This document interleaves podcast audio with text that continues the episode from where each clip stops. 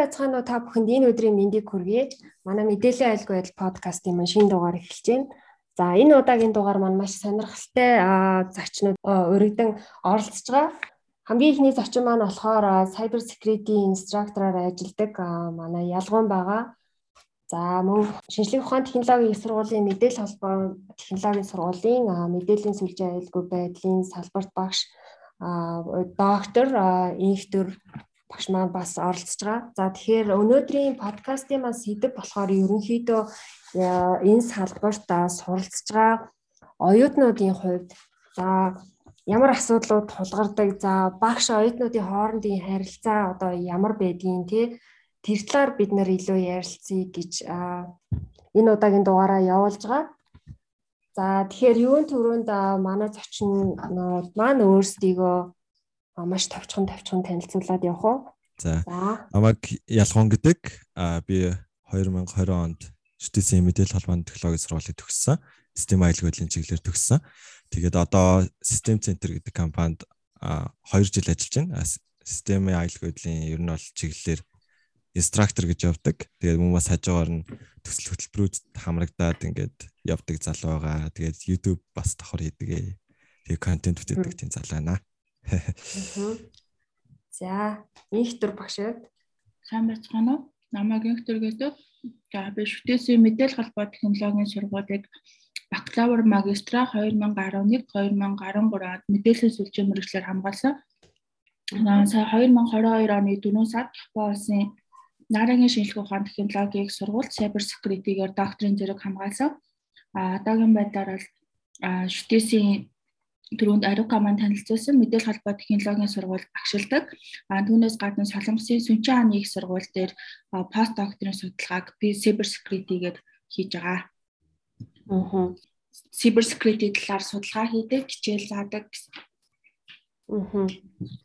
За ерөнхийдөө ер нь мэдээллийн аюулгүй байдлын мэрэгчлэтнүүдэд одоо зориулсан анги гэх юм аа манай шүтээст сүүлд нэгдсэн байгаа тий.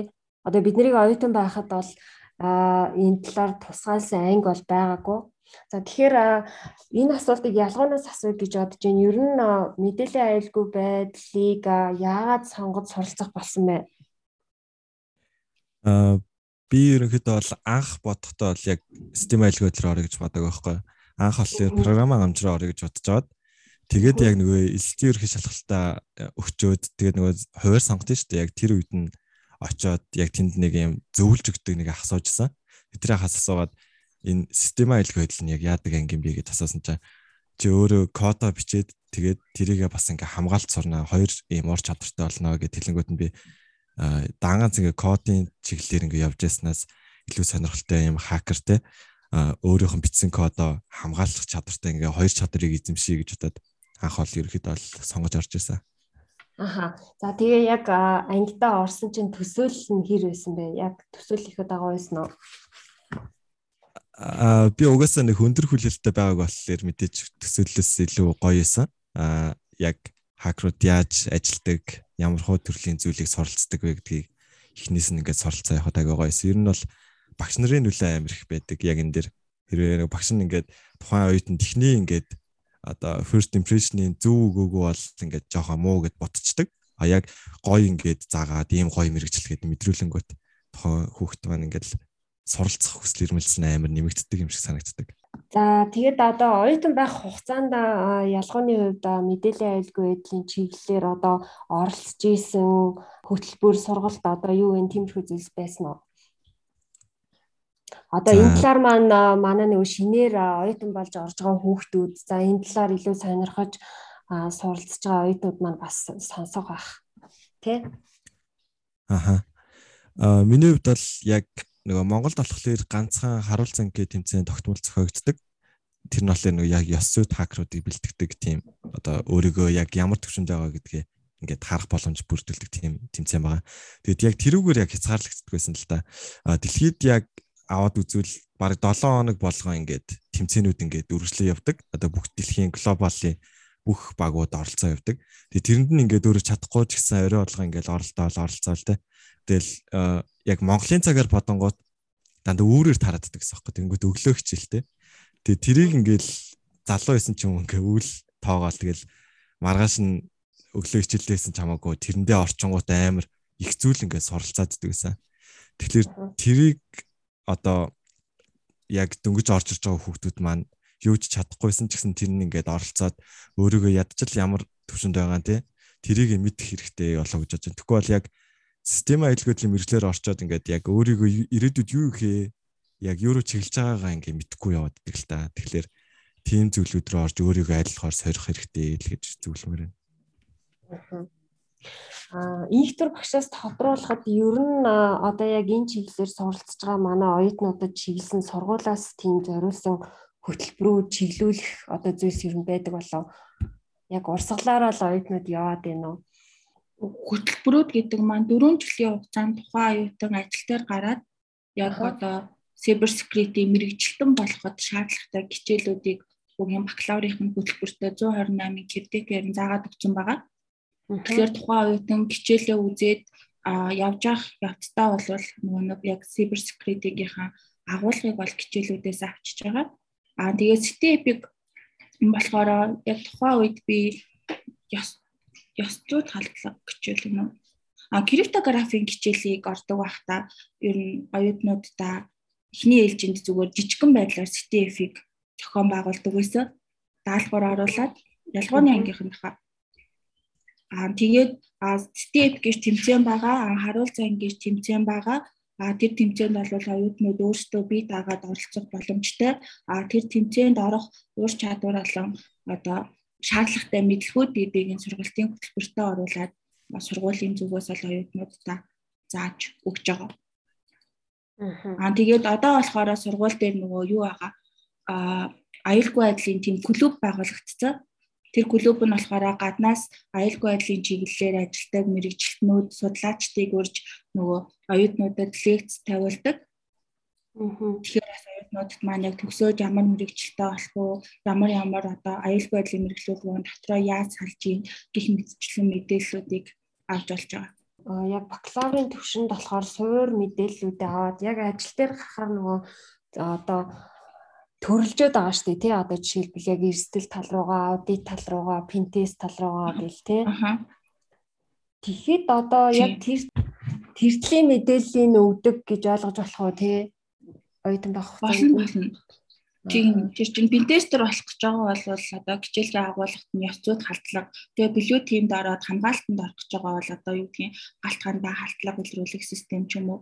За тэгэнгүүт мэдээллийн аюулгүй байдлын хууль ёс зүй тэгээд аудит эрсдлийн үнэлгээ ч гэдэг юм уу тиймэрхүү хичээлүүд ер нь суурьуд нь тавигдж байгаа а төгсөө тэр хүүхэд яг нөгөө байгууллагынхаа ажилд орсон байгууллагынхаа шаардлагаар ч юм уу өөрөө яг малийг нь хийх сонирхолтой байгаагаасаа мэдээж бакалаврынхаа дараа мэрэгшүүлэх сертификатуудаа аваад ирэхээр тэд нар маань хоорондоо салаад явах байх.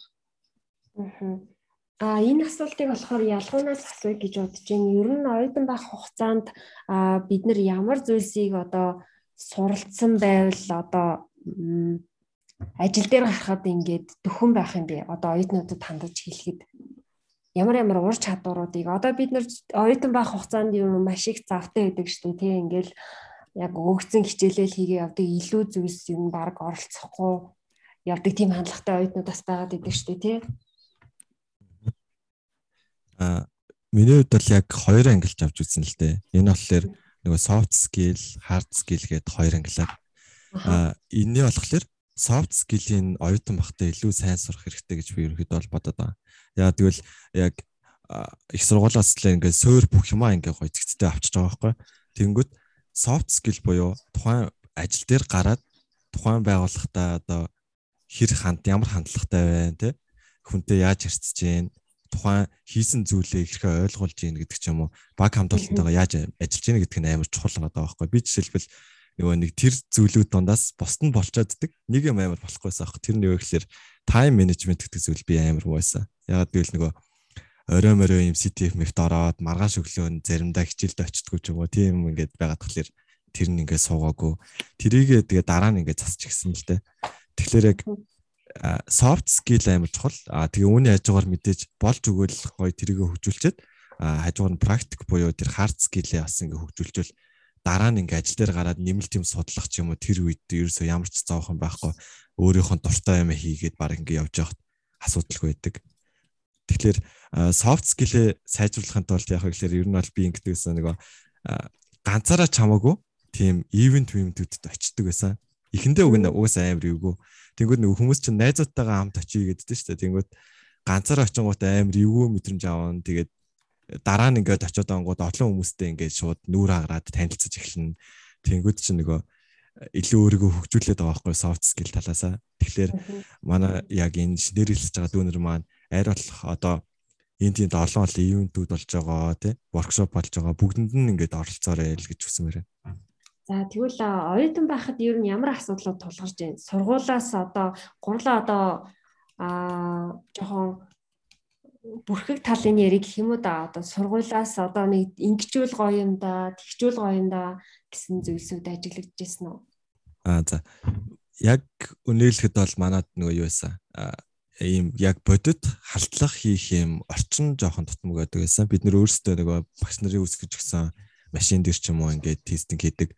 Тэнгүүт яг болж өгвөл юм яг юм cyber security lab гэдэг зүйл байвал ийм attack and defense яг бодиттой яг халдлах хийгээд хамгаалдаг юм бодит тийм системүүд байвал айгуу гоё юм надлаа.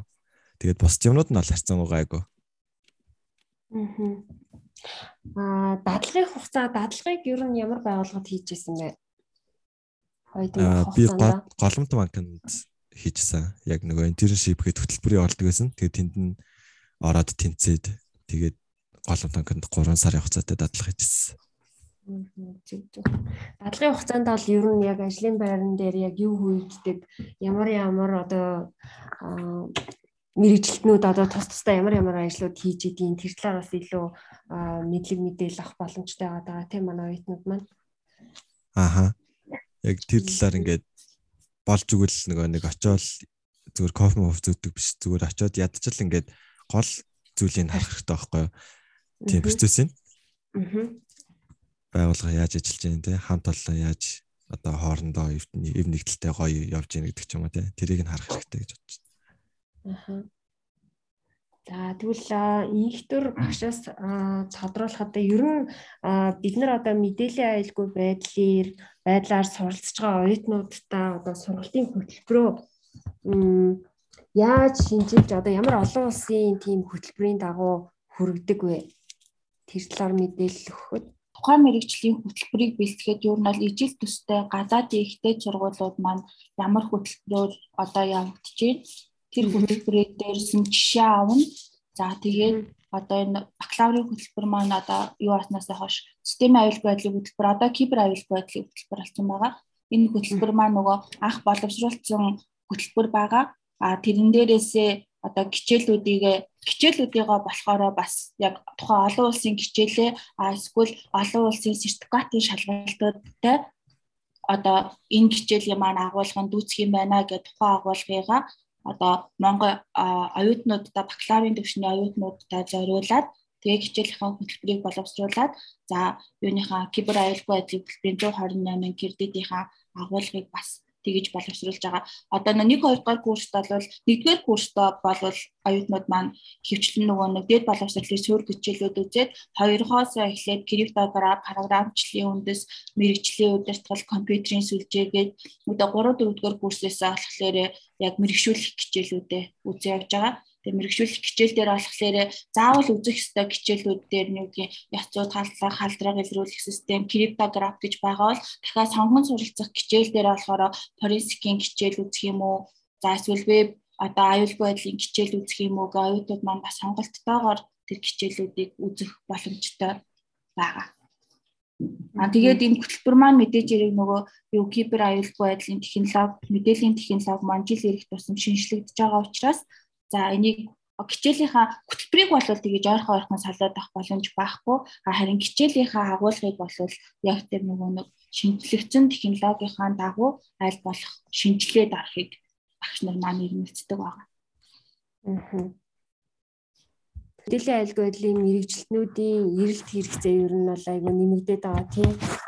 Энэ тал дээр одоо сургуулаас ямар нэгэн тийм баримтлагдаг зүйлс байдаг болов энэ тал дээр болохоор ерөнхийдөө бол эсэлтийнхаа тоог нэмж ах шиг байна. Одоо кибер аюулгүй байдал мэрэгчлэр гэхэлэр энэ жил би кибер аюулгүй байдлын 1-р курсын оюутнуудын зөвлөх багшаар ажиллаж байгаа. одоогийн байдлаар манай ингээд энгийн ангид 72 даа орж ирсэн байна. А хоёр дээр нэмэх нь хоёр ангид бас хүүхдүүд орж ирж байгаа. Тэгэхээр нөө нэг эрэлт ихсэх тусам эсэлтийн квота одоо баг зэрэг нэмэгдүүлж байна. А түүнээс гадна яаж байгаа гэхээр магистрт одоо өөр мэрэгчлэр төгсөөд те компьютер мэдээллийн сүлжээгээр ч юм уу эсвэл мэдээллийн технологиор төгссөн хүмүүс маань буцаад кибер аюулгүй байдал мэрэгжлийн магистрийн хөтөлбөрт хамрагдаад бас нөгөө мэрэгчлээ одоо кибер аюулгүй байдал тал руугаа мэрэгшүүлэх боломжтой болж байна. Аа тэгээд мэдээж эрэг бас юугаар мэрэгчлэнүүд байгаа. Бид нар бол бакалаврынхаа эсэлтийг аваад төгсгөөд ингээд нийлүүлж байгаа ч гэсэндээ өгийн мэдээллийн технологийн салбар маань бүхэлдээ хүний нөөцийн хомсдолд орсон байгаа. Тэгэхээр ер нь бол яаж байгаа вэ гэхээр бид нэр бол кибер аюулгүй байдлын мэрэгчлэнээрээ төгсгөн а түүнээс гадна болохоор богино хугацааны сургалтуудыг одоо Монголд сургалтын төвүүд маань явуулж байна. Манай сургуулиудаар сургалтын төв байгаа. Тэгэхээр яг IT-гаар ч юм уу эсвэл өөр мэрэгчлэр төгсөөд яг кибер аюулгүй байдал тал руугаа мэрэгшүүлээ гэвэл богино хугацааны сургалтын сууж байна. Эсвэл магистрийн хөтөлбөрөөр одоо элсэж. А эсвэл яг бакалавраасаа эхнээсээ эхлээд сураад болж байна. Энэ дээр бол бид нар нөө сургуулийнхаа багтаамжид таарад эсэлтийн квотын тоогоо тоогоо нэмэхээс өөр бол нэг арга хэмжээ бол аваагүй. Гэтэ одоо нөгөө нэг хөтөлбөрүүд явагдаж байна л да. Одоо Койкотой хамтраад судалгааны лаборатори байгуулах, Жайкатай хамтлаад хамтраад бас нөгөө ялгууны сайн хийсэн нөгөө бодит орчин төрчилт хийх тийм лаборатори орчин хэрэгтэй байна гэд энэ болохоор Монгол одоо засгийн газраас маань ч гэсэн яг энэ кибер аюулгүй байдлын салбар чухал юм байна гэж сая хууль батлагдчихлаа. Тэнгүү JICA-тай одоо хамтраад бас юм одоо судалгааны лаборатори бэхжүүлэх шинэ лаборатори байгуулах гэсэн төслүүд бол эхлэж явж байна. Энэ салбарын мэрэгчлэнүүд ер нь хаа хаана ирэх хэрэгцээ өндөр байгаа болохоор бид нар бас нэг санаа зовоох асуудал юмар бас нэг болоод байгаа тий. Хэд аваараа л хомсдол байх шүү гэнэ. Аа. Тэгэхээр ер нь манай хоёр зочны хувьд ер нь мэдээллийн аюулгүй байдлын талаарх мэдлэг мэдээлэл ингээд тасралтгүй суралцж сайжруулахын тулд одоо ямар вебсайт одоо сургалтын платформуудыг ашигладаг вэ? Манай сонсогчид бол нь ер нь мэрэгчлэнүүдэд маань мэдлэг өгөхөөр. За миний хувьд бол жоохон unofficial газраас авааддаг. Гэтэ сүүлийн үед official болсон л та. Тэрний үг гэхээр амар олон sourceтай Тэгээд тэр source-д бүгдийг тэгтгэжиж нэг үнэн мэдээлэл олгодог гэх юм уу. Тэгвэл яг нэг газараас аваад тэлэр тэр нь ингээд мэдээлэл оруулахгүй бол амар хэцүү. Дутагдaltaй болчихно. Аа тэнгуут ингэдэг. Одоо сүүлийн үед гэвэл Discord-оос бас авж гин. Одоо гадаад найзуудтай болж гин. Би бас нөгөө гадаад багт CTF-ийн тоглогч хийдэг. Тэгээд тэднэрээс бас авдаг. Мөн бас а янз бүрийн форумын вебсайтуудаас аавн. Тэгээд бас сүүлийн үед Twitter дээр айгу nice санагцсан. Twitter-ээс айгүй их мэдээлэл авдаг. Тийм.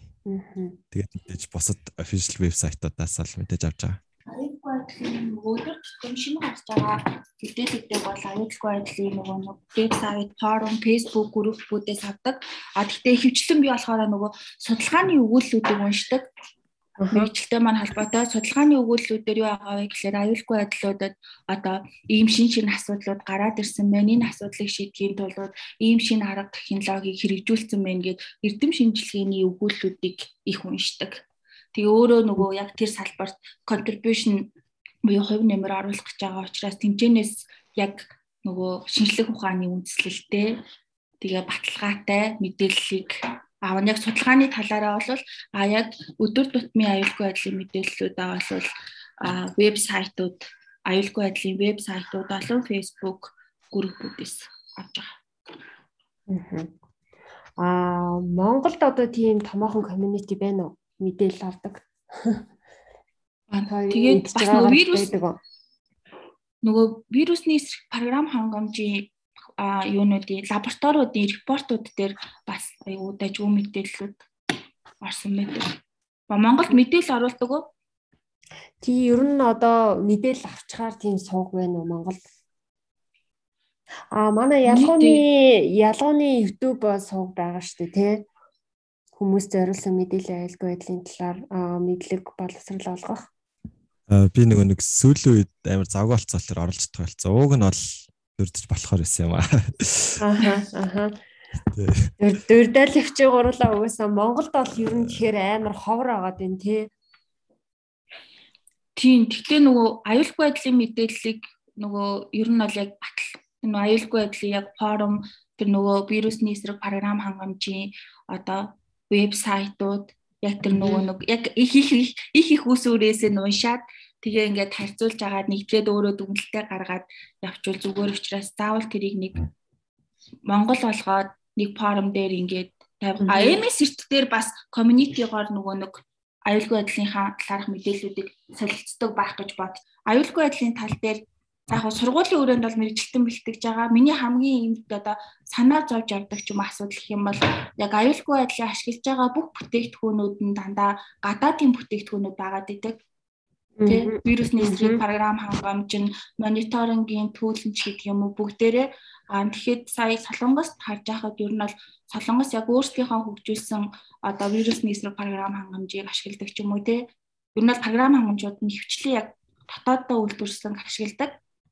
Тэгэхээр энэ салбар дахь мэрэгчлэтнүүдийн маань тоо нь олон болоод а тэр тусмаа магистр, доктор ч юм уу тийм судалгаа хийх, асквал яг тэр аюулгүй байдлын бүтээгдэхүүн хөгжүүлэх тэр одоо хүний нөөц маань олон болоод яг энэ чиглэлийн одоо төслүүдийг хэрэгжүүлээд ч юм уу судалгаа хийгээд ч юм уу яг өөрсдийнхөө дотооддоо үйлдвэрлэсэн програм хангамжийг хэрэгэлдэг болвол зүгээр гэж бодогддог. Аа. Нэрээ Японд Солонгост гээд одоо доктор профессорт сурж сурж исэн бас одоо суралцж байгаа шүү дээ тий. А Монголын сургалтын одоо системтэй харьцуулахад манайд авч хэрэгжүүлчихээр тийм ялгаатай зүйлс юу байна уу? Манайх хэр явж байгаа төвшин нь хоцрогдолтой байна уу? Ер нь дундаж явж байна уу? Ялгүй яг уу яг нөгөө нэг Японд бол би яг агсан төвчний сургууль гэж зөвхөн магистр докторийн сургуульд явуулдаг сургууль сурсан докторийн судалгааны ажил. Тэгэхэд болохоор Монголд болохоор магистрийг хүмүүс ажил хийж агаад хажуугаар нь сурдаг. Тэгээ яг судалгаа хийгээд нөгөө эрдэм шинжилгээний өгүүлэл хэвлүүлээд яг магистрийгаа ингээд full time суугаад бол судалдаг. А Япон солонгост бол магистрийг яг full time суугаад судалгаагаа хийгээд төсөл хөтөлбөрүүдтэй оролцоод өгүүлэлээ бичээж тэгжээ төгсдөг. За тэгэнгүүт Монголд ягаад тэр хөгжихгүй байгаа яг ягаад тэгж суухгүй байгаа вэ гэхлээр нэг тал болохоор эдийн засаг баг шиг юм тий. А Японд тэр болохоор хэрвээ магистр төгсчээж яг Toyota ч юм уу те тэр аюулгүй байдлын том компаниудаа судлаачаар ороод тэр нөгөө бүтээгдэхүүн хөгжүүлэлтүүдээр ажиллах боломжтой болчдөг. Солонгос ч гэсэн ижилхэн одоо юу гэдгийг тэр миний ажиллаж байгаа тэр лаборатори маань болохоор яг тэр машин машины security дээр судалгаа хийдэг лаборатори байсан. Тэнгүүд тэрний магистр төгсөө гарах юм бол Hyundai ч юм уу автомашины одоо үйлдвэрүүд дээр яг судалгааны хэсэг дээр нь очиж ажиллана. А бакалавр төгсөх юм бол хэрэгжүүлэлтийн хэсэг дээр нь ажиллана ч гэдэг юм уу яг тийм ялгаа байгаа. Аа тэгээд нөгөө бүх Япон солонгос хоёулаа ажилласан нөгөө кампус дотроо дандаа official нөгөө програм хангамжуудыг ашигладаг. Монголд болохоор их сургууль дотроо дотрооч тэр төрийн байгууллагууд тэр бусад байгууллагууд тэр яг official одоо програм хангамжийг ашигладаг газар бол цөөхөн яг яг банк ч юм уу тэг яг бизнесийн тэр одоо яг тэр аюулгүй байдалтай хөрөнгө зарцуулж чаддаг газрууд бол ашиглаж байгаа шиг байгаа. Тэгээд cyber security awareness нь бас сайн. Японд бол их сургуульд оронгууд нь сургалтаа өгөө шалгалт аваад тэгжээж их сургуулийнхаа систем руугаа хандаж ордог. Тэгээд би хэрвээ лабораториосоо өөр газраа серверлээр хандах гэж байгаа бол заавалжгүй VPN-ээ суулгаад K-энтрээ тохируулаад тэгэж хандаж орно гэдэг юм уу.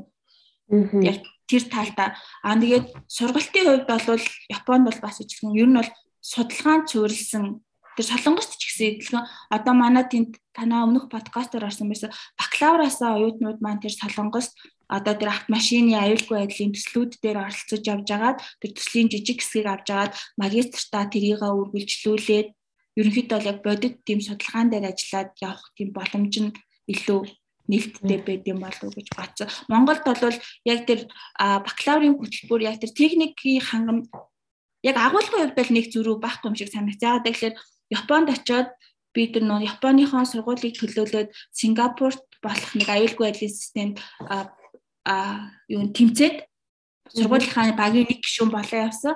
А тэгэхээр очиод бид нар нэг хичээлээ воркшоп байдлаар ингээ IoT төхөөрөмжүүд өгөө тэднэр луга халдлага хийгээд эмзэг байдлыг нэвтрүүлээд спорт бичээд за тэгээд тэрнээсээ үндэслээд ч юм уу тэр багийн гишүүдээ сонгоод аваа явсан. А тэгэхээр би Монголд зааж исэн хичээлийнхаа одоо агуулгыг тэнцээ очоод одоо яг тэр практик дээрээ хэрэгжүүлэхэд бол нэг их хол зөрөө гараагүй. Тэгэхээр яг тэр практик ингээд туршилтын хэсэг дээрээ техник хангамжийн мэдлэг нь бол гайгүй.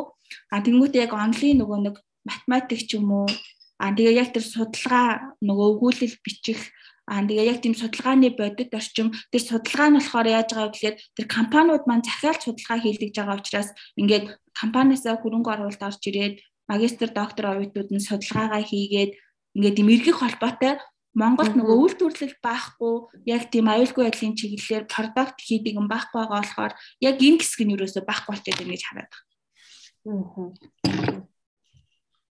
Тэгэхээр одоо мэдээлэл холбоо технологийн сургуулийн мэдээллийн аюулгүй байдлын мэрэгчлэнээр төгсөж байгаа хүмүүст одоо зориулаад хэм ажил олгогч байгууллагуудаас ер нь та нараас асууж тийм хандлт орж ирдэг үү? Одоо ингээд ажил давъя гэдэг үү? Тий, ажил. Тэр бол зөндөө. Өмнө нь болохоор нөгөө хүүхдүүдийг дөрөвдүгээр курс төгсөхөд нь авдаг байсан байхгүй юу? Тэгэхэд хүүхдүүд олддог байсан. Одоо бол 4 3 дугаар курсынхан маань оюутнууд маань бас аюул тийм итэвхтэй болчиж хичээл хаажгаар ажил хийдэг. Тэгээд нэг IT-ийн салбар маань одоо яг хүний нөөцийн эрэлт их байгаа учраас 3 3 4 дугаар курсын маань хичээл хаажгаар ажил хийдэг болчиж нэг интерншип хөтөлбөрүүдэд хамрагддаг болсон. Тэгэхээр 4 дугаар курс төгсгöd бол ер нь бол оюутнууд хөвчлэн баг дуусчаад байна. Төгсгөөс өмнө нөгөө байгууллагууд захиалаад ингээд реклам хамгаалтан дээр нэр цуугаад ажилд авах санал өгөө. Тэгээ ажилд орсон тэгэнгүүт байгууллагууд одоо 3 болон 2 дугаар курсээс нь интерншип хийж агаад оюутнуудыгаа ингээд одоо ажилд авах сонирхолтой. Тэгээд хувийн хвшлийн байгууллагуудын цалин хангамж нь харьцангуй одоо төрийн байгууллагуудаас өндөр байгаа учраас оюутнууд маань тэр одоо байгууллагуудад орох сонирхолтой хувийн хвшил рүү ороод яг төрийн байгууллагууд дээр маань аюулгүй байдлаар ажиллах боловсон хүчин одоо илтэн байгаад байдаг ажлын байрны зар байгаад байдаг яг тийшээгээ ажилд орох оюутан маань айгу цөөхөн болчиход байгаа нэг тийм асуудал гаргаж байна. Төгсөөд ажлын байр бол асуудалгүй оюутан маань ямар байгууллагт орох вэ? эл гэдэг баг шиг байна. А тэгээд уг нь бол төрийн а тэгтээ сая нөгөө яам байгуулагдсан учраас яг энэ төрийн байгууллагуудынхаа IT-ийн салбарт ажиллаж байгаа хүмүүсийнхаа цалин хангамжийг хувийн хөвчлээс өндөр болохгүй бол төрд маань чадварлаг боловсон хүчнүүд ажилд орохгүй учраас буцаад нөгөө төрийн маань мэдээллийн аюулгүй байдлын асуудал те одоо янз бүр төрийн байгууллагуудын вебсайтууд халдлагад өртөх за тэгээд нөгөө нэг шинээр хэрэгжүүлж байгаа тэр одоо цахим үндэстэн болох гээд байгаа тэр нөгөө мэдээллийн технологийн асуудлууд нь яг чанартай гарч ирэх үү аюулгүй байдал талаасаа ямар байх уу гэдгүүд дээр ер нь бол асуудлууд гарч эхэлж ах шиг байна.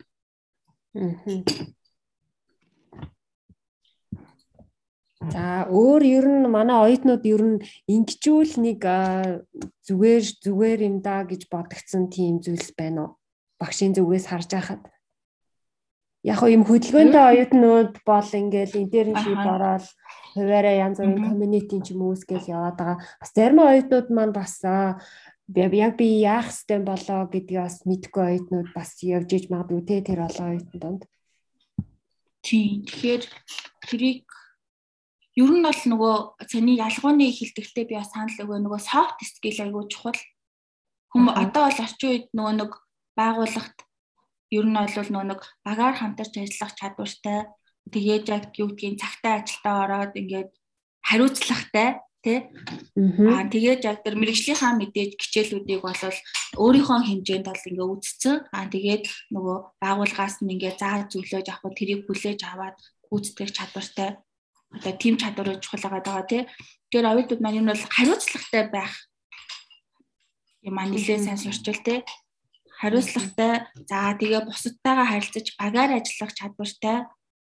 Аа тэгээ мэдээж хэрэг нөгөө хэлний мэдлэг бас нэлээд чухал.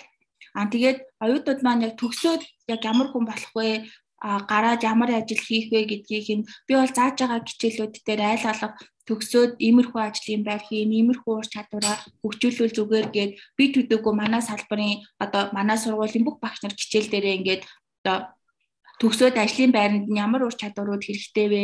Тэдэрт нь ингээд энэ хичээл энэ хэсэгт нь ингэж ашиглагдсан шүү гэдгийг нь бол хилээд явж байгаа. Тэгээд нөө хилний мэдлэг айгүй чухал байгаад байна. Гэтэ одоо шинээр өсөж байгаа оюутнуудын ер нь харьцангуй гайгүй. Нөгөө одоо англиар бидний одоо аюулгүй байдлын мэрэгжлийн бүх сертификатууд маань англиар шалгалтаа өгж байгаа тий. Аа тэгээд бид нар одоо мэдээлэл уншихтаа англиар мэдээлэл авч гин.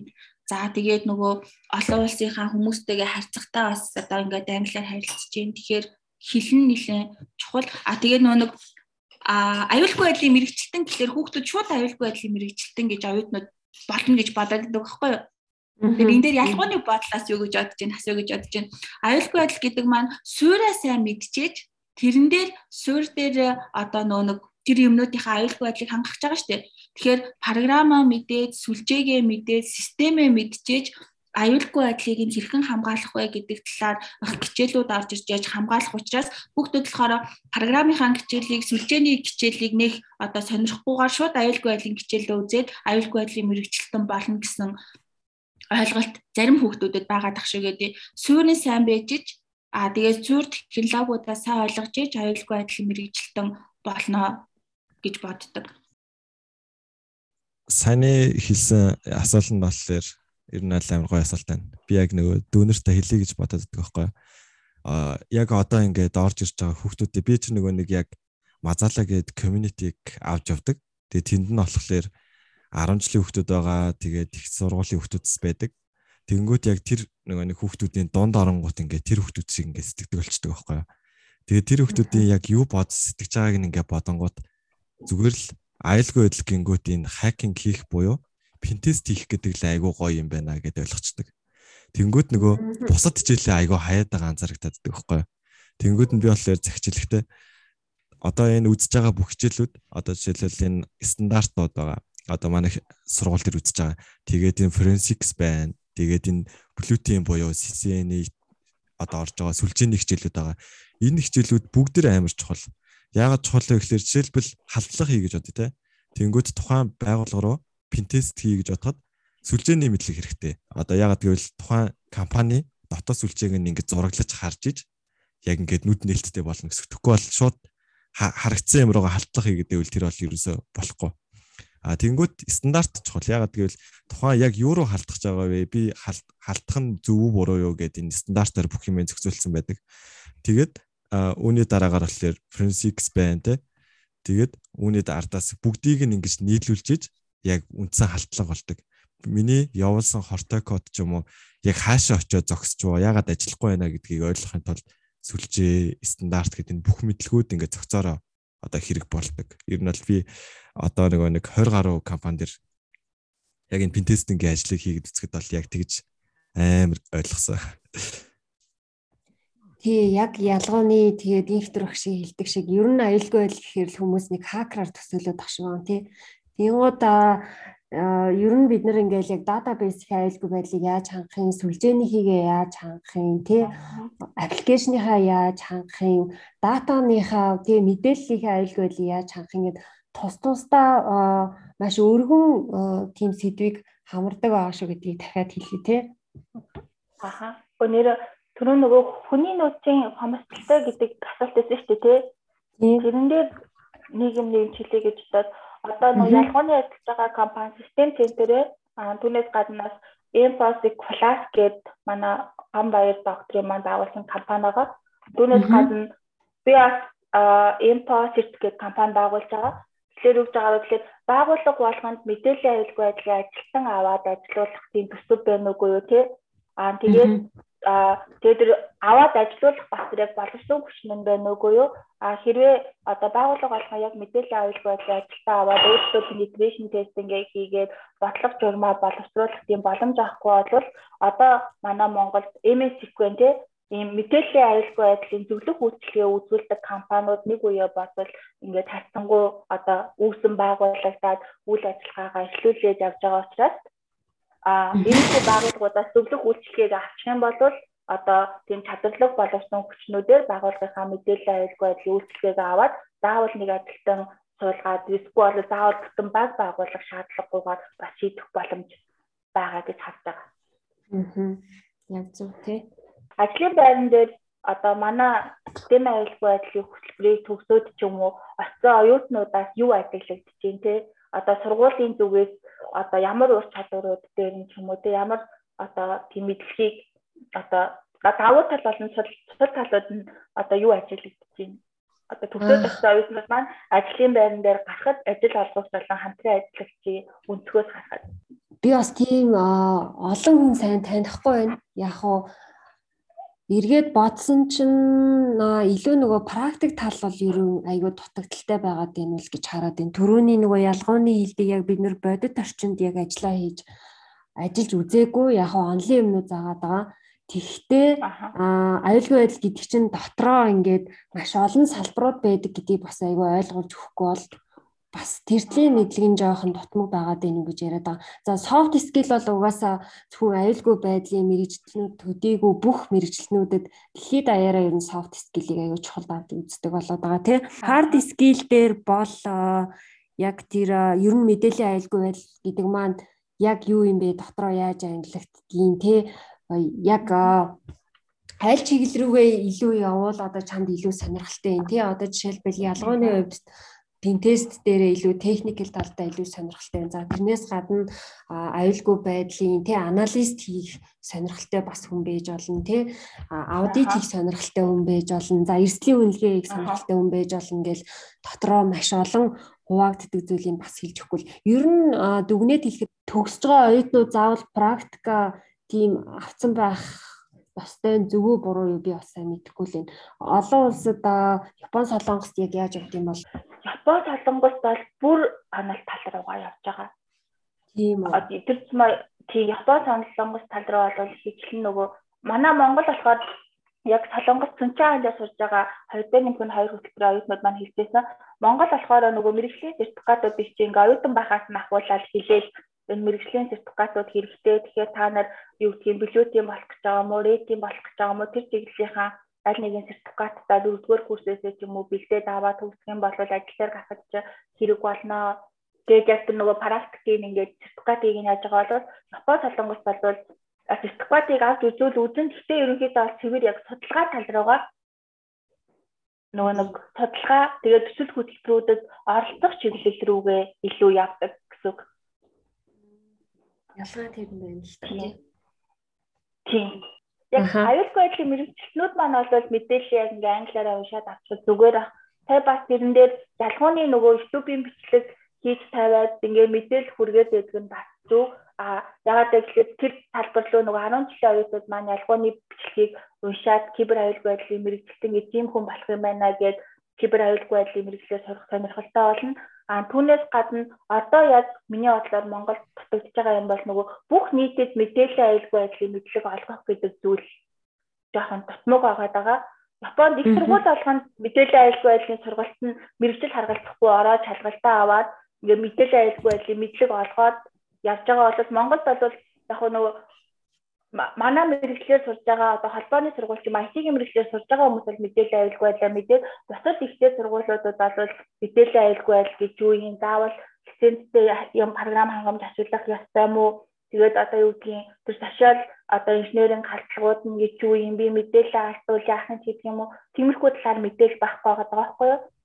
Тэгэхээр одоо яг энэ бүх ихтэй сургуулиудад яг тэр мэдээллийн аюулгүй байдлын мэд нэг хичээлүүдийг нь ороод Тэр нь болохоор одоо юу гэдгийг Монголын түүх, Монгол хэл хэдэгтэй ижлэх нэг тийм хичээл авдаг болвол зүгээр юм болов. Оюутнууд маань төгсөөд ажлын байран дээр гарах дээр мэдээлэл аюулгүй байдлын анхны шатны мэдтгүүнтэй болоод төгссөн мэн гэдэг юм уу те. Бас 10 жилүүд маань гэсэн нөгөө мэдээлэл зүүн хичээлийн агуулга дотор бас мэдээлэл аюулгүй байдлын ойлголтуудыг баг зэрэг ингэж тусгаж өгвөл бас зүгээр санагдаа. Тэгээд Япон солонгос Тийм Япон солонгос бас Малайзиэр ийм жишээ байгаа. Нөгөө манга номнууд байгаа шүү дээ тий. Хүүхдүүд уншдаг. Аа. Манга ном болоо анимэдэр нөгөө мэдээлэл аюулгүй байдлын мэдлэг олгох тийм хөрхөн номнуудтай. Тэгээд энэ номнуудыг ингээ хүүхдүүд үзэнгээ ингээд мэдлэгээ зүгээр ном уншиж байгаа юм шиг юм ингээд мэдээлэл аюулгүй байдлын мэдлэгээ олоод авчдаг ч гэдэг юм. Аа. Тэгээд сая банкны холбооноос харин нөгөө ясах тусам нэгтэл илүү. Тим аяны хүрээнд бас нэг үр ажил зохион байгуулсан юм тий. Тий. Өнгөрсөн жилүүдэд болсон санаадах юм.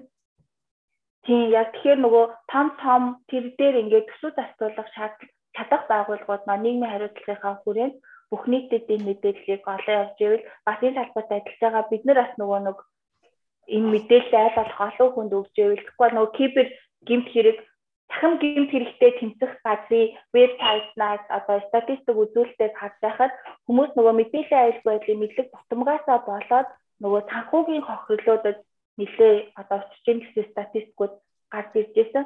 Юу байгаа вэ гэхлээр нөгөө хүний нөөцийн асуудлаас гадна нэгтэй сургууль багшлах боловсон хүчний хомсдолоор жишээлж байна. Энэ маань яаж байгаа вэ гэхлээр Тэнийг бол бүр бодлогын хүрээнд ингээд төр зургаас тэмдэглэг хийж авахгүй бол удахгүй одоо IT-ийн салбараар сургалт явуулж байгаа ихтэй сургуулиуд маань багшлах боловсон хүчингүй болж магадгүй болчиход байгаа. Яагаад гэвэл одоо багш нарын цалин маань дөнгөж төгсөөд гарч байгаа оюутнуудын цалингаас бараг бага ч юм уу? Тэрнтэй ижилхэн ч юм уу? А тэгэнгүүт багш нар маань өөр газар очиод ажиллах ч юм уу? Эсвэл олон улсад ажиллаад ажиллахад бол тэрнээсээ ингээд цалин хангамжууд тавьсангүй өөр. Аа тэгээд бас нөгөө багш нар маань хичээл заахаас гадна Солонгос Японд бол судалгаа хийх тийм нөхцлөөр ингээ хангаад өгсөн. Одоо бид нар яагаад докторийн зэрэг авч ийнэ, магистрийн зэрэг авч ийнэ гэхлээр судалгаа хийх гэж одоо энэ зэргийг авч байгаа шүү дээ. Аа тэгэнгүүт Япон солонгост болвол тэр судалгаа хийх одоо би кас кредит дээр ажиллая гэхэд манай лаборатори одоо сүнчэн хааны сургууль дээр би Tesla-гийн машин руу халдлага хийх боломжтой. Tesla-гийн машин дээр халдлага хийх судалгаа хийгээвэл Tesla-гийн машин нэ тэр халдлага хийх төлөвүүд нь тэрийг аваад би ингээд зуршилт хийх сервер нь байна гэдэг юм уу те? Ингээ бүх нөхцлөөр нь хангаад өгсөн. Японд ч гэсэн ижилхэн би яг зөвхөн судалгаанд анхаарлаа төвлөрүүлээд судалгаагаа хийх боломжтой хичээлээ заах боломжтой. А Монгол болохоор яг тэр судалгаанд анхаарлаа төвлөрүүлээд судалгаа хийх боломжтой. Тийм судалгааны орчин нөхцөл тийм жоохон одоогоор яг тийм бүрэнгүүтд ингэж хангалтааг байгаа байна гэж харж байгаа их сургуулийн хувьд аа тэгээд нийт мөсдөр бас ийм асуудал байгаа. Мөсөөс бас сая юу гэдгийг аюун эрдэн юу оюурд нах шилжсэн хоёр багш ажилласаа гарсан гээд а манай сургууль дээр бас ихэнх компьютерийн ухааны салбараас ч юм уу багш нар маань маш ихээр аялал аяласаа гараад байгаа. А тэгэхээр юу гэдгийг төр засгаас яг нэгтэй сургуулийнхаа IT-ийн чиглэлээр бэлтэж байгаа энэ сургуулиуд дээр анхаарал хандуулахгүй бол одоо ихтэй сургуулаас л ингэж боловсон хүчнүүд маань гарч байгаа шүү дээ тий. А тэгэнгүүт багш нар нь хомстоод ирэх юм бол гисний одоо оюутнууд ийс гарч байгаа ч гэсэн тэрэн дээр хичээл заах одоо болсон хүчин маань ер нь бол дутагдаж эхлээд сүүлийн хэдэн жилүүд ингээд дутагдаад эхэлсэн. Манай шүтээснээр тийм асуудал байна, мөстер тийм асуудал байна. Тэгэхээр энэ тал дээр бас анхаарлаа хандуулах хэрэгтэй юм гэж бодож байгаа. Ялгуурт сая нөгөө хаашаа Орос руу явж тэмцээн орох гэж байгаа гэсэн тийм. Тий. Аа ингэж байгаа нөгөө нэг бид нар сайхан ярилцаад бөөндөө бид нар ер нь бол нөгөө аюулгүй байдлынхаа хүмүүс чинь нөгөө нэг амар дотгошоогоо тэнгууд ерөөсөө хоорондоо нийлж юм хийдэггүй. Тэгээ гам ганах бид нарыг нийлүүлж хагаад за ийм тэмцээн болж байгаа юм байна. Тэгээд энэ тэмцээнд ингээд оролцчихвол тэгээд та хэд ингээд яаж жагаад ингээд золиос гараад оролцохоо тэгээд ер нь бол ингээд за байр нь нэг хамаагүй гэхдээ болж өгвөл өөрсдийн чадлаар орчхоо тэгээд энэ маань юг одоо ямар үр дагаврыг авчрах вэ гэхээр ардаас ч гарч иж байгаа дүүнер чи ингээд гадаад руу очиж тэмцээнд орох боломжтой байна гэдгийг харна гэдэг ч юм уу. Тийм талаасаа амар дэмжлэг үзүүлж байгаа. Тэгээд бид нар ерөнхийдөө бол атакент юу гэдэг вэ хөөе CTF гээд нэгдсэн төрөл нь а тэрийг хоёр хувадаг. Нэг нь болохоор Geo Party нөгөөх нь Attack and Defense. Тэнгүүд одоо албан улс 9 сарын 19-өөс хэдний хооронд лээ болохоор 4 хоног. Тэр нь болохоор яг манай Монголд болдог шиг MS шиг хажуудааг юм конференц маягийн болоод тэгээд хажуугаар хажууд нь ингээд дэлхийн өнцөг булан бүрээс одоо дэлхийн эхний 10-т орсон багууд нь ингээд урилгаар оролцож байгаа. Тэгээд манай туршлага туршлага судалж ирэх нь бас гоё тий. Харин тий яг нөгөө нэг Орос улмын улс руу гэхлээр яг Орос улмын улсын яг кибер аюулгүй байдлын түвшин бүр айгүй өндөр явдаг. Ялангуяа энэ практик тал руугаа одоо солонгос гингүүд илүү он тал руугаа бүр амар мундаг гэдэг ч юм уу те. Тэнгүүд яг ингээд шинэ экспириенс болчихж байгаа байхгүй бидний хувьд. Тэгээд гадаадын багуудтай ингэж өрсөлдөнө гэдэг маань амар сонирхолтой. Одоо бид нар чи ерөөс ингээд баг хэдэн жил хоорондоо өрсөлдөж Монголд ч те.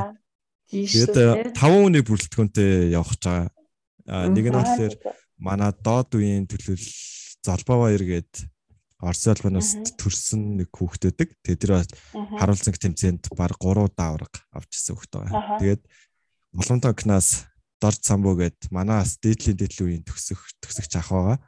Тэгээд дорж байгаа юм. Тэгээд а манай яг доотлын курсын BM далай гэдэг бас хүүхэд байгаа. Тэр хүүхэд бас info solution тий тэр компанидас Infosec Plus тэр компанид ажиллаж байгаа. Тэгээд Unitel-ийн аюулгүй байдлаас бэлэг дэмбэрлэг гэж залуу байгаа. Тэгээд бид тав ер нь бол баг болоод а спонсор ер нь бол нэг холддгүй юм байл. Тэгээд өөрсдөөсөө гаргаад тэгээд дараагийн нөгөө дүүнрээ бодоод ирээдүгөө бодоод ингээд залиас хараад юм л явах гэж байгаа. Гэтэ сайхан Тий энэ подкастаараа дамжуулаад те манай энэ шинэ үеийн шинэ үеийн гоё хүсэл тэмүүлэлтэй гоё залуучуудын маань дэмжих хүмүүс байвал холбогдоорой те. Харин тий яг тэгэж хэлчихсэн. Тий. Хоёр байгууллага спонсорлохоор болсон. Тий. Амар баярлж байгаа. Амар гоё. За баяр хүргэе. Тий. Тэгээд баярлалаа. Тий, тэнцээнд амжилт хүсье. Тэгээд олон улсын тэмцээнд орох гоё юм лээ. Би нэг л одоо орж ирсэн Японд батаа. Аха. Сингапурт очиод орж исэн. Тэгээд яг нөгөө нэг тэр болохоор critical infrastructure гэдэг аа тэр нөгөө нэг water system руу халдлага хийгээд тэнгууд тэр яаж байгаа လဲ critical одоо систем рүү халдлага хийгээд нөгөө мөнгө алдах одоо юу шиг юм бас эрсдлүүд байгаа те байгууллагын нэр хүнд унах энэ төргээд а critical infrastructure руу халахад яах вэ гэхээр хүний амь эрсдэх те нэг үүсэж байгаа нөгөө нэг одоо үр дагавар нь илүү хүчтэй байдаг гэж Сингапураас тэр тохиолдог. А тэрэнд болохоор яг очиод бас нөгөө нэг тэр water system төр гэж нөгөө нэг тэр industrial системүүдийн эндэг байдлыг олоод халтлага хийх нь яг компьютерийн системийг бодвол төд өөр. А гэхдээ нөгөө нэг та цөөрийг нь ойлгочвол нөгөө бас халдлага хийх нь ерөнхийдөө бол арга алхмууд нь бол төстэй мэлээ. Тэгээд батсаа Тэгээд гоё туршлага хөрөмжүүлэх байгаа юм байна. Ялгуунда амжилт хүсье. Тий, ялгуундаа ялгууны багийнхандаа амжилт хүсье. За тэгээд тэмцээнд аа ороод ирснийхэн дараа дахиад уулзнаа тий. Зөв зөв.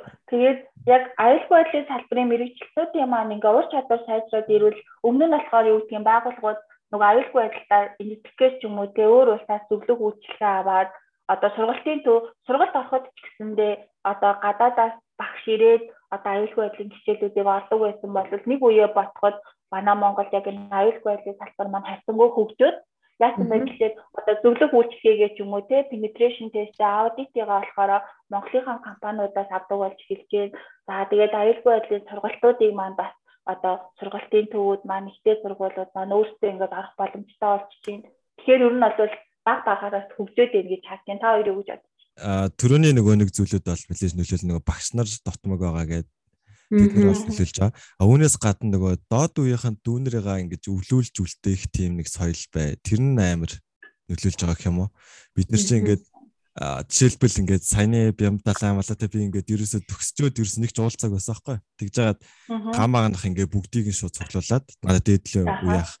Тэгээд ингээд ингээд нэгдэн нэгтгэнгүүт амар гоё санагдчих байгаа байхгүй ингээд амар өөр өөр төвчний хүмүүс ээж агаад хоорондоо ингээд ур чадварыг нэгтгээд те бид нар чинь нөгөө нэг хувийн тоглолттой амар сайн Монголынхон төлөө бид нэр тим Монголиа гэдэг нэрээс оролцож байгаа. Тэгээд Jersey University явах бах Монголын яатай.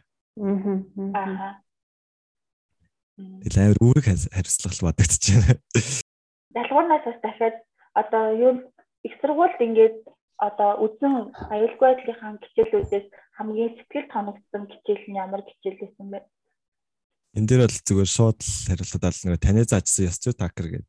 Тэрийг бол үргэлжлүүлээд би яг одоо тэрийг заагаад явж байгаа хүмүүст. Тэнгүүт ингээд таны ингээд э, одоо сэтгэлээ гаргаж заасан юм чи ингээд одоо сурагч ч юм уу шавн ингээд үргэлжлүүлээд явж байгаа гэдэг нь манайд амар тийм гой санагдчихж байгаа таны юм. Аа одоо нөгөө багш шатлаар version 9 дээр нь заажсан байхгүй. Тэнгөт би одоо 12-ын заах гэдэг байгаа гэх юм уу 11-ийг заацсан. Одоо 12 шинжлэхдэх гэж байгаа. Тэнгөт яг дотроо хайр зэ. Шинжлэхтэй штэ. Тэгээд бодлоор гоё санагддаг. Аха.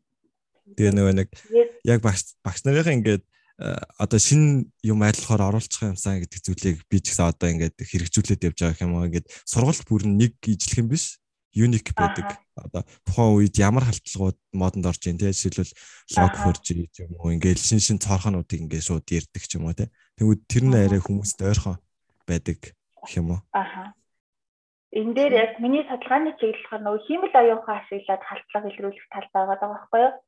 Тэгээд тэгэхээр нөгөө нэг юу ингээд хөгжөөл байгаа учраас одоо халдлагыг ер нь л өөрөө өөрөө сураад илрүүлдэг хэмэл оюун ухааны шийдлүүдийг яг нөгөө нэг одоо галт хааны үйлдвэрлэгчид бас нөө вирус нэтер програм хангамжийн үйлдвэрлэгчид манай ашиглаж хилээд авах юм. Тэгээд а бас сая нэг юм үлдсэн юм сибер сая бид нэр хуультай болсон тий кибер аюулгүй байдлаа. Тэгээд хууль батлагдсанаас хойш харин байгууллагууд маань одоо аюулгүй байдлын ажилтнтай болъё ямар нэгэн аюулгүй байдлын стандарт нэвтрүүлээ. Тэгээд нөгөө амт чухал дэг төстэй байгууллагууд маань заавал мэдээллийн аюулгүй байдлын аудит одоо 2 жилдээ нэг удаа ч юм уу оруулдаг бэ гэгээд ажлууд аваа хэлж байгаа. Эдгээр маань ишлээ цаа явахгүй бол Монгол улс нөгөө cyber security индексээр хэдэд та хоёр маань мэдж байгаа. Аа хамгийн ихний подкастн дээр ярьжсэн санаадах юм. Нилээ хойгоор байсан санаадах юм. Яг өнөөдрийн мэдээ хэдэд байна вэ? Харин ер нь бол нилээ хойгоор байгаа даа 118 Мм. Сүүлийн сүүлийн үеийн статистик нь ямар ч байсан намайг Япон явхаас өмнө нөгөө нэг индекс бэс нь буцаад төгсөөд хүрээд ирсэн чинь ингээд доошлсон байсан.